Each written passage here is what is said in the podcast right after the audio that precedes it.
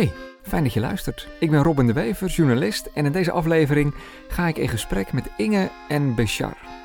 Inge heeft een aantal zware jaren achter de rug en inmiddels weet ze wat erachter zat. Ze heeft borderline en een bipolaire stoornis. Ze vertelt er heel open over, dat vind ik heel bijzonder. En eh, ze kan heel goed analyseren waar en waarom het misging. Het is een verhaal waarin ook veel misgaat, maar waarin er ook hoop zit. We hebben lang zitten praten en om het niet allemaal in één keer over je uit te storten, heb ik er twee afleveringen van gemaakt. In deze aflevering vertelt ze waar ze mee te maken heeft gekregen en in de volgende aflevering vertelt ze hoe ze weer controle heeft gekregen over de leven. Eh, Inge, uh, Bashar, ik wilde zeggen, leuk dat jullie er zijn, maar ik ben bij jullie, dus Ja. eh, le- leuk dat ik er ben. Leuk dat jij er bent, inderdaad. Ja. Inge, kun je jezelf even heel kort introduceren? Eh, ja, dat kan. Ik ben Inge, ik ben 29 jaar. Ik woon samen met Bashar in Utrecht. En ik ben begeleider op een zorgboerderij voor mensen met een lichtverstandelijke beperking. Oh ja, en ik hou En- heel van paardrijden. En Bashar? Nou, ik ben eh Bashar, eh, 22, 32 jaar oud. En ik werk sinds kort bij een IT-bedrijf in Houten. Eh, daarvoor werkte ik bij een Coolblue winkel. Heel erg anders, maar wel heel leuk. Eh, allemaal leuke collega's, jong bedrijf en eh super gezellig. En eh, ik leerde veel, dus eh, ik ben helemaal happy. Jij bent happy en, en jij bent ook best wel happy, toch Inge? Zeker? Ja, Ja. Ja, ja ik ben hier Ja. natuurlijk omdat het niet altijd zo geweest is. klopt. Ja. W- wanneer kwam jij er voor het eerst achter dat er eh, balans miste in je leven? Oh, eh, ik was wel eh 19, 18. Toen heeft het wel nog even geduurd voordat ik professioneel hulp heb gezocht. Ehm, maar ja, ik ben wel, ik was wel, ik ben op mijn 18 op mezelf gaan wonen. En ehm, ook wel mijn ouderlijk huis en dorp ontvlucht. Voor, eh, ja, het was heel turbulent en eh, wel hier en daar een beetje een moeilijke jeugd gehad. En ja, dus toen ik kon, heb ik een studie gekozen aan de andere kant van het land om maar op kamers te moeten. En toen was ik er wel vrij snel achter dat ik wel tegen mezelf aanliep. Op welke manier? Wat, wat gebeurde er? Ehm, nou, wat gebeurde? Ik was gewoon soms heel erg gestrest. En de eerste diagnose was ook eigenlijk een combinatie tussen eh, overspannenheid en depressie. Niet een volledige depressie, niet een volledige burn-out. En eigenlijk is dat gewoon hoe mijn eh, bipolariteit zich uit. Als ik niet op, ja, op mijn eigen grenzen let. Dan Ja, ja ik- want, want heel erg gestrest zijn, dat kan natuurlijk van alles zijn. ja, ja, af van alles. Ja. En in dat, op dat moment was het ook van alles. Studie, wat me niet heel gemakkelijk afging. Eh, samen, of zeg maar, op mijn eentje wonen met mensen in een huis samen. Waarbij ik ook het af en toe wel moeilijk had met contacten, nieuwe vrienden maken. Wat me ooit ook nooit makkelijk af is gegaan, mijn hele leven niet. Ehm, dus het was gewoon een hele hoop wat zeg maar samenkwam, samen met volwassen worden. En dat eh, ging niet. eh, En wat, wat, was er wat was er moeilijk dan? ja, wat was er moeilijk dan? Ik heb in mijn eerste studentenhuis heb ik gewoond met, eh, met echt tien anderen. En ja, daar vond ik het wel moeilijk dat er totaal niet op grenzen van elkaar werd gelet. Dat als ik eh, moe was en gewoon wou relaxen, dat er keihard werd doorgefeest. Of eh, ik had allemaal mensen in mijn huis die bij verenigingen zaten, wat op zich prima is, maar dat is niet mijn ding. En die waren gewoon verbaal. Ja, ik ben gewoon echt een beetje gepest eigenlijk in dat huis. Echt, eh, want ik wou het altijd wel netjes doen. En ik had op de begane grond heel leuk met twee meiden. En dan onze eigen douche. En die hielden altijd heel schoon. Maar ja, de rest was altijd gewoon een soort van... Hè, dat moesten we allemaal, hadden we een lijst voor van dan doet die het en dat doet die het. En dan werd dan totaal niet opgevolgd. En ik had daar wel moeite mee. En dan wou ik toch dat het schoon was. En dan ben ik eigenlijk gewoon een soort van een beetje eerder ingepest om het dan maar te doen. En toen na anderhalf jaar was ik gewoon helemaal kapot daar. en toen heb ik een ander huis gezocht met minder huisgenoten. En toen ging het ook een stuk beter. Maar dat heeft echt wel even geduurd voordat ik doorhad van... oh shit, ik ben eigenlijk wel de hele tijd overprikkeld aan het raken... door de situatie wat mijn thuis is. Dat had ik toen nog helemaal niet zo door. Maar ja, ik was 18. En toen dacht je misschien ook gewoon, dit is, ik ben gewoon gevoelig. Of ik ben, Ja. toch? Nou, dat kwam ook eigenlijk nog veel later hoor. Ik weet niet, ik werd dan gewoon, ik, ik, werd dan, ik kon ook best wel gewoon bitchy dan zijn of boos om hem wel een beetje van me af te bijten of zo. Ehm, maar ja, veel later pas eigenlijk dat ik dacht, oh, ik ben eigenlijk gewoon heel gevoelig en ik heb gewoon moeite met sommige situaties. En ik moet daar gewoon voor mezelf het beter afbakenen. Dat is wel veel later pas gekomen. En moest het toen echt eerst helemaal gierend uit de hand lopen voordat je, wat, voordat je er wat aan deed? Of? Ja. Ja? Ja, ja ik ben wel ehm, toen de tijd, ja, eigenlijk nog niet eens voor de. Ja, het wordt wel gelijk heel persoonlijk, maar goed, daar is dit gesprek ook voor. Maar ik had seksuele problemen. En toen ben ik daarvoor naar de GGD gestapt op aanraden van mijn zus. En ehm zei van ja, bij de GGD hebben ze gewoon mensen die zijn hier getraind en daar kan je gewoon mee praten. Heel laagdrempelig. Nou, daarmee begonnen. Ik met zo'n vrouw praten, helemaal aan het janken. Want er ging natuurlijk meteen, kwam er van alles naar boven waar ik eigenlijk mee zat. Al een hele tijd, wat ik helemaal niet door had. Toen dacht ik, oh, oké, zijn mij doorgestuurd naar een seksoloog. Toen dacht ik, nou, uh, maar er komt ook wel gewoon heel veel naar boven. Misschien moet ik ook eens met een psycholoog gaan praten. En zo ben ik toen voor het eerst in uh, psychotherapie gegaan.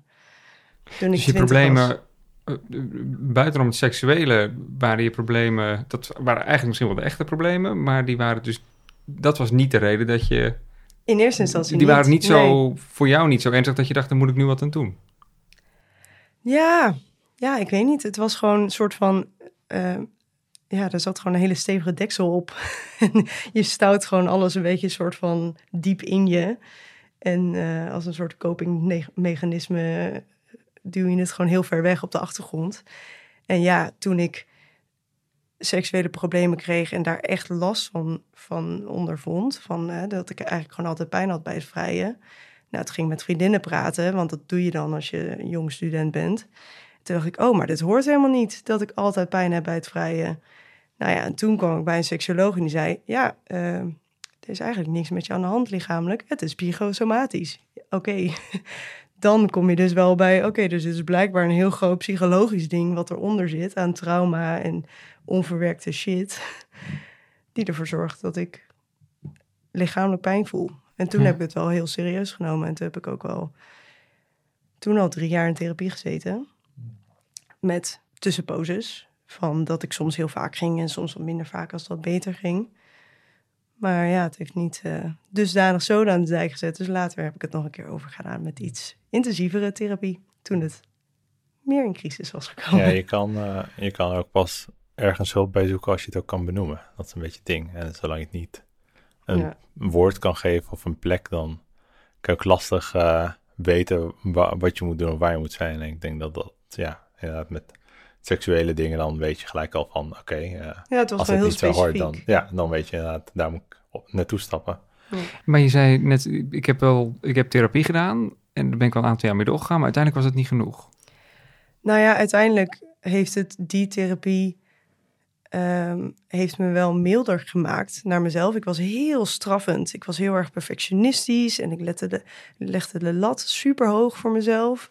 Ehm, ook met mijn studie en zo, terwijl ik dat helemaal niet kon halen. En dan was ik daarna super boos op mezelf en maakte ik mezelf echt intern gewoon helemaal ja, van kant. En dat heeft wel, dat, dat, dat, dat heeft, die therapie heeft wel dat randje eraf gehaald. Dat ik gewoon echt even wat milder kon zijn met het is oké. En ook iets bewuster gemaakt van oké, ik leg de lat daar en ik doe veel te veel dingen. Misschien moet ik iets rustiger aandoen. Af en toe. Als ik een hele drukke dag heb gehad, misschien moet ik dan gewoon de dag daarna niet en naar de paarden en naar mijn studie en met vrienden afspreken en nog werken. Allemaal op één dag. En dat deed ik vroeger wel. En had je toen het gevoel dat je eh, met die therapie, eh, toen je dat deed, dat je toen je leven wel op orde had, of je hoofd wel op orde had, dat het goed ging? Nee. Hm. Nee. En toen, en ik ben dus aan het einde van die therapie, ben ik mijn ex tegengekomen. En ja, toen ging het eventjes, Toen nog niet je ex, toen een nieuwe lover. Hm? ja. Nou ja, het ging, met mijn ex ging het toen wel eventjes, in het begin ging het wel oké. En in het begin waren, we hadden we het heel leuk samen. Ja. En toen dacht ik, nou... ik, ik zeg, je, je zei je zei het mijn ex, maar dat was toen natuurlijk een nieuwe, ja, ja, was nieuwe toen, scharrel Ja, en- precies. precies, en je vriend. Nou, het werd ja. wel vrij snel heel serieus hoor. Het was niet echt een scharrel. Het was wel meteen padsboom aan. Eh, heel snel samenwonen, heel snel verloofd, heel snel een huis kopen, heel snel honden, heel snel alles. Verhuizen naar Utrecht vanuit Nijmegen, heel eh, pittig. Hm. Wel. Ehm, maar ja, het ging toen eventjes wel wat beter met mij in, die, in het begin van die relatie. Maar mijn therapeut had wel gezegd: ja, ik raad wel aan dat je er nog mee verder gaat met iemand anders. Nou ja, en dat heb ik toen uh, eventjes gelaten. We zijn toen naar Utrecht verhuisd, nieuwe baan, nieuw huis, honden, heel leven opgebouwd. En dat ging eventjes, ging dat wel oké. totdat toen gewoon de problematiek net zo hard weer terugkwam. Met gestrest, depressies. Ehm, ja, dat ik me gewoon echt af en toe niet raad wist met mijn emotie. Ik uh, ben vreemd gegaan. Ik heb allemaal dingen gedaan waar ik gewoon dacht, ik, dit ben ik gewoon niet. En ik, het was zo'n wervelwind van... Ja, maar je, je had ook zo'n druk leven opgebouwd, zeg maar. Ja. Dat je gewoon nooit een moment van reflectie eigenlijk had. Dus tot nou, die had ik wel. Nou ja, wanneer, de, de, wanneer de Emma overliep pas, denk ik. Nou ja, nee, op de nachten dat ik uh, licht manisch was en niet kon slapen, dan ging wel mijn hele leven aan mijn ogen voorbij. En met wat ben ik aan het doen? En schrijven, ging ik schrijven en dingen, dagboeken schrijven, een boek schrijven, weet ik wat allemaal. Dat heb je als je een beetje manisch bent. of in ieder geval dat kan. Um, maar ja, ja. Je hebt dus periode van hele hoge pieken, en van manisch en ja. van, van, van diepe dalen. Van depressie dan, denk ik. Ja. Niet? Nou, nu al een hele tijd al niet zo. Als in nu ben ik al, dat noem je dan stabiel. Uh, terwijl dat vind ik echt een kutwoord, want ik ben helemaal niet een stabiel persoon. Maar in hoeverre ik stabiel was, ben ik nu best wel een tijdje stabiel. Um, en wat ik in de relatie met mijn ex heel vaak had, is dat ik gewoon, ik was gewoon één dag in de week een beetje, een beetje manisch. Was ik gewoon een gejaagde ADHD-versie van mezelf. Kon ik mijn gedachten niet stoppen, kon ik niet slapen, ging het hele huis schoonmaken, allemaal shit doen, midden in de nacht. En dat had ik gewoon elke week of elke twee weken had ik dan een dag. En dat heb ik bijna twee jaar lang gehad. Nou, op een gegeven moment word je daar gewoon gestort van. Ja. En toen ben ik dus hulp... Want dat is op zich, zo'n dag op zich, een nacht een doorhalen is, is, op zich al vermoeiend. Is en het feit dat je, ja. precies, en, en Ja. zo'n dag kost je Maar- waarschijnlijk een halve week aan energie, of misschien nog wel meer. Het probleem is alleen dat ik, ik, ik was dan ook heel moe, maar je kan gewoon niet slapen. Je kan gewoon letterlijk niet slapen, terwijl je hoofd is moe, maar ehm, je lijf draaft maar door. Zeg maar, je lijf is moe, maar je hoofd draaft maar door. Dat is het eigenlijk. Dus dan, eh, je hebt gewoon geen grip erop. En zeg maar een beetje hypomaan zijn is top, want je voelt je gezellig en je, je bent hoogsensitief. Je merkt alles op bij iedereen en je maakt makkelijk contact. En het heeft ook heel veel positieve... Je kan heel creatieve buien hebben en zo. Dus het heeft positieve dingen. Maar het moment dat je de grip verliest, is gewoon kut. Want dan, ja... Ja, Want dan? nou ja, dan doe je dingen die je anders niet zou doen. En daarna word ik dan heel depressief, omdat ik me dan schaam voor alles wat ik heb gedaan, wat eigenlijk niet helemaal bij me past. En me nog wel gewoon, ik heb het gewoon door. Ik heb door dat ik niet mezelf ben. Ik heb door dat ik sneller prikkelbaar ben. Dat ik. eh, Ik heb alles, ik heb zoveel bewustzijn dat ik dat ook op dat moment door heb. En ik merk ook de signalen op van mensen dat ze me fucking irritant vinden. Maar ik kan er niks tegen doen. En dan achteraf schaam ik me de pleuris en durf ik die mensen niet meer onder ogen te komen. Omdat ik denk, godverdomme, wat, wat heb ik me als een debiel gedragen.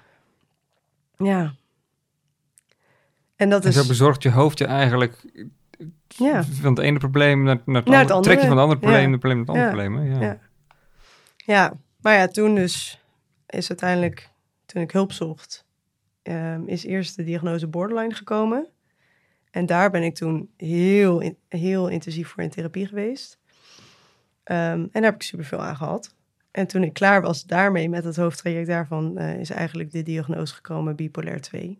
Of het is bipolair 2? En nou ja, een soort eh bipolair light wordt het ook wel genoemd.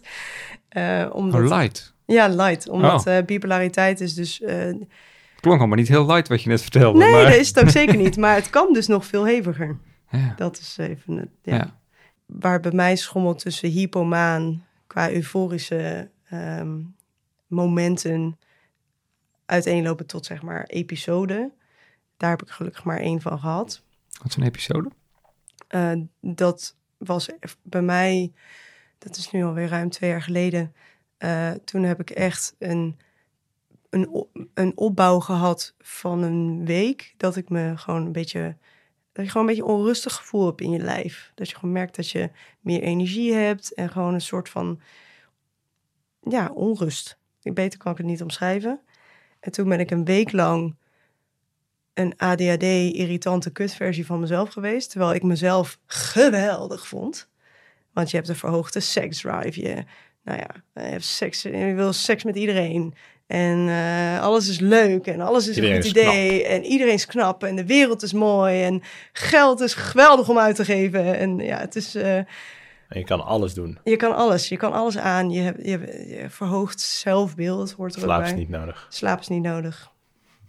Ehm, dus Ja, dat was een week. meegemaakt, Ja, je dus- hebt het meegemaakt, ja. Dus dat was een week. En toen twee weken afbouwen dat het steeds wel weer wat, no- dat ik weer wat normaler werd. En toen ben ik super lang depressief geweest. Daarna door schaamte, sociale angst. Dus ja, ik vond het aan de ene kant dacht ik, oké, ik ben meer fucked up dan dat ik in eerste instantie dacht. Maar dat gevoel vervaagde ook wel weer redelijk snel. Maar het luchtte ook wel op. Dat ik dacht, oké, dus eigenlijk die shit waarvan ik niet helemaal wist hoe ik het moest plaatsen, dat heeft nu een verklaring. Namelijk dat ik niet snel wissel tussen mood alleen maar als een borderliner, maar dat het echt langere periodes kunnen zijn. Waarbij ik dus euforie ervaar en somberheid. Wat ik wel heel kut vond aan Af- de diag- afwisselen, eh, Afwisselend. afwisselend. Ja, afwisselend. Ja. Wat ik wel heel kut vond, was eh, dat ik eigenlijk geen drugs mag doen en geen alcohol. En dat werd gewoon gelijk heel duidelijk gezegd van oké, nu de diagnose gesteld is, moet je weten dat blowen, ik blowde heel veel vroeger, blowen is een enorm grote trigger. Ik heb verslavingsgevoeligheid, dus ik word heel snel verslaafd aan blowen. Ik kan heel moeilijk... Van, mede vanwege je... Van, mede Van hoe vanwege, je bent, ja. precies. Mede vanwege mijn, eh, mijn problematiek die ik heb. Dat komt, gaat heel vaak samen. Dus, en, en wat ik ook heel naar vond, is om te horen dat als ik kinderen wil, wat ik heel graag wil, dat dat voor mij een heel gevaarlijk traject is.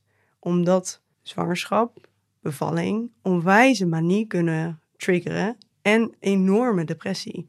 Dus wanneer wij kinderen gaan krijgen, moet ik naar een speciale poli, waarbij mijn gynaecoloog nauw samenwerkt met een psychiater om mij te begeleiden in mijn zwangerschap en ook mij te monitoren nadat ik een kind heb gekregen.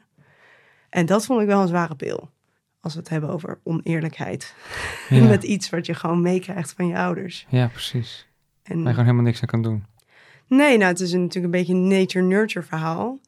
Ik heb natuurlijk ook nog eh, een volle broer, een halfbroer en een halfzus. En ze hebben niet allemaal een bipolaire stoornis. Ik ben de enige. Oh, Eh, dat is helemaal lekker dan. eh. ja, mijn broer heeft wel trekken ervan en mijn zus heeft ook trekken ervan. We komen allemaal uit dezelfde moeder. En het komt ook uit mijn moeders kant van de familie. Maar mijn halfbroer heeft autisme. Ook heel laat gediagnosticeerd. Ook niet leuk. Ook niet leuk. Nee, en dat komt dan weer van zijn vaders kant. Maar ja, het is wel... eh, je krijgt het gewoon cadeau. En het is een beetje nature-nurture. En helaas bij bipolaire ehm, ja, kwetsbaarheid is het zwaar genetisch overdraagbaar. Dus onze kinderen krijgen in ieder geval trekken ervan. En of het tot uiting komt, dat ligt eraan hoe het nurture-verhaal is. Hoe de opvoeding wordt bij ons. Ja, mijn biologische moeder die heeft ook wel eens gezegd, achteraf gezien, met de vier kinderen die ik op de wereld heb ge- gezet, als ik had geweten dat twee van de vier zo zouden struggelen met hun mentale gezondheid, had ik misschien ook wel achter mijn oren gekrapt. Maar ja, gelukkig is achteraf makkelijker praten. Anders was ik er niet geweest. Maar, het lijkt me ook wel eh, heftig om te horen. ja, dat was wel zwaar. Ja, dat Ja. was wel heftig. Dat was wel pittig. Ik dacht wel even zo, oeh, het is wel even slikken. Ja, Ja. ja. het zet je ook gewoon tot Zet je- nadenken. ja, het zet je ook tot nadenken. Ja. En dat doen we Waarom zit gelukkig. je, waar, waarover nadenken? Nou ja, over onze toekomstige kinderen. Ja, we zijn er wel echt al heel bewust, eh, nou zeker wel een jaar mee bezig. Met praten met elkaar, wat eh, allemaal nodig is om te zorgen dat wij kinderen ter wereld zetten die zowel mentaal als fysiek hopelijk gezond zullen zijn. Ja. Nou, je weet het wel, als ik het zo hoor. Ja, we willen het, heel, Ja. we willen Ja. het allebei heel graag. We hebben een hele sterke kinderwens. Ja, het is voor mij wel echt een struggle. Ja. Maar goed, het is sowieso mijn struggle. Dus ik heb veel meer van, oké, okay, mocht het wel, mocht ik wel een kindje op de wereld zetten die uiteindelijk bipolariteit blijkt te hebben, ga ik het mezelf dan niet kwalijk nemen. Tot zover. In de volgende aflevering vertelt Inge dus hoe ze weer controle heeft gekregen over de leven, dus luister vooral door. Thanks voor het luisteren.